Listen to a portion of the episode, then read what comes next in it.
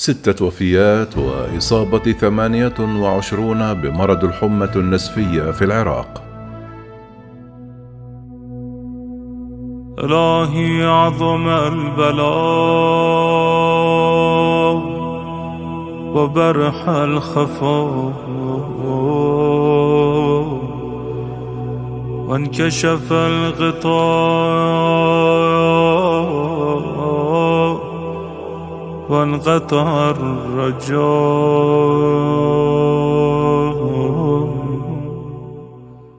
سجلت محافظة زيقار جنوبي العراق حالة وفاة بالحمى النسفية مما يرفع عدد الوفيات من جراء هذا المرض إلى تسعة حالات في عموم البلاد وفقا لمصدر طبي. قال مدير الصحة العامة في زيقار الواقعة في جنوب العراق توفي رجل عمره 35 عاما جراء الإصابة بالحمى النسفية وأضاف ارتفع عدد الوفيات إلى ستة بينهم امرأة وثمانية وعشرون حالة إصابة بهذا المرض في محافظة زقار. تعود آخر حالة وفاة ليوم الجمعة وهي لشخص يمتهن الجزارة كان يمارس الذبح العشوائي بحسب روايات السلطات المحلية. ووصل إجمالي عدد الوفيات في عموم العراق إلى تسعة حالات.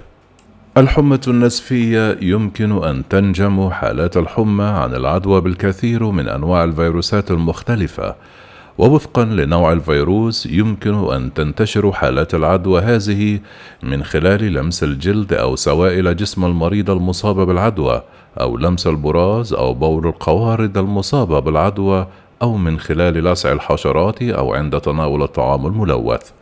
قد تنطوي الأعراض على الحمى وأوجاع الجسم والعضلات والصداع والقيء فضلا عن النسف من الفم أو الأنف أو الأعضاء الداخلية. ولتأكيد التشخيص يقوم الأطباء بإجراء اختبارات الدم أو يفحصون في بعض الأحيان الأنسجة المصابة بالعدوى تحت المجهر. تنطوي المعالجة على إعطاء السوائل وغيرها من المعالجات للحفاظ على وظائف الجسم. وتكون الأدوية المضادة للفيروسات فعالة ضد بعض فيروسات حمى النسف ولكن ليس ضدها جميعًا. كان المتحدث باسم وزارة الصحة العراقية قال أن البلاد لا تشهد حالة تفشي قائلا حتى إن الإصابات محدودة كل سنة نسجل إصابات ووفيات كانت ولا تزال محدودة لكنه أضاف كمعدل هذا العام أعلى من السنة الماضية ولذلك كثفنا تدابير الوقاية. يذكر أن آخر حالة وفاة في العراق تعود ليوم الجمعة لشخص يمتهن مهنة الجزارة. كان يمارس الذبح العشوائي بحسب تصريح السلطات المحلية في حين وصل إجمالي عدد الوفيات في عموم العراق إلى تسعة حالات. وتوزع ضحايا هذا المرض في محافظات ميسان وكربلاء والمثني وبابل وفقا لإحصائية أعلنتها وزارة الصحة وسجلت أكثر من نصف الإصابات في محافظة زيقار وهي محافظة تربى فيها كثير من الماشية. كما انتشر الفيروس في الأيام الأخيرة في محافظات شمالية أيضا. ويعد الأشخاص الأكثر عرضة للإصابة بالمرض هم مربو الماشية والعاملون في مجال الجزارة وفقا لوزارة الصحة العراقية. يدخل مربو الأبقار والأغنام والماعز والجاموس ضمن دائرة الخطر.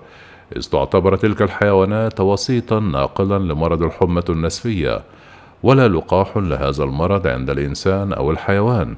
أما أعراضه الأولية فهي الحمة وآلام العضلات وآلام البطن.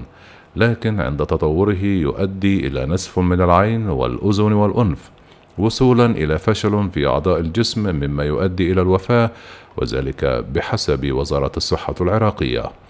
كما تؤدي الإصابة بفيروس الحمى النسفية إلى الوفاة بمعدل يتراوح بين عشرة إلى أربعون بالمائة من المصابين. نسأل الله السلامة لأهلنا في العراق. أضاقت الأرض ومنعت السماء. وأنت المستعان وإليك المشتكى. وعليك المعول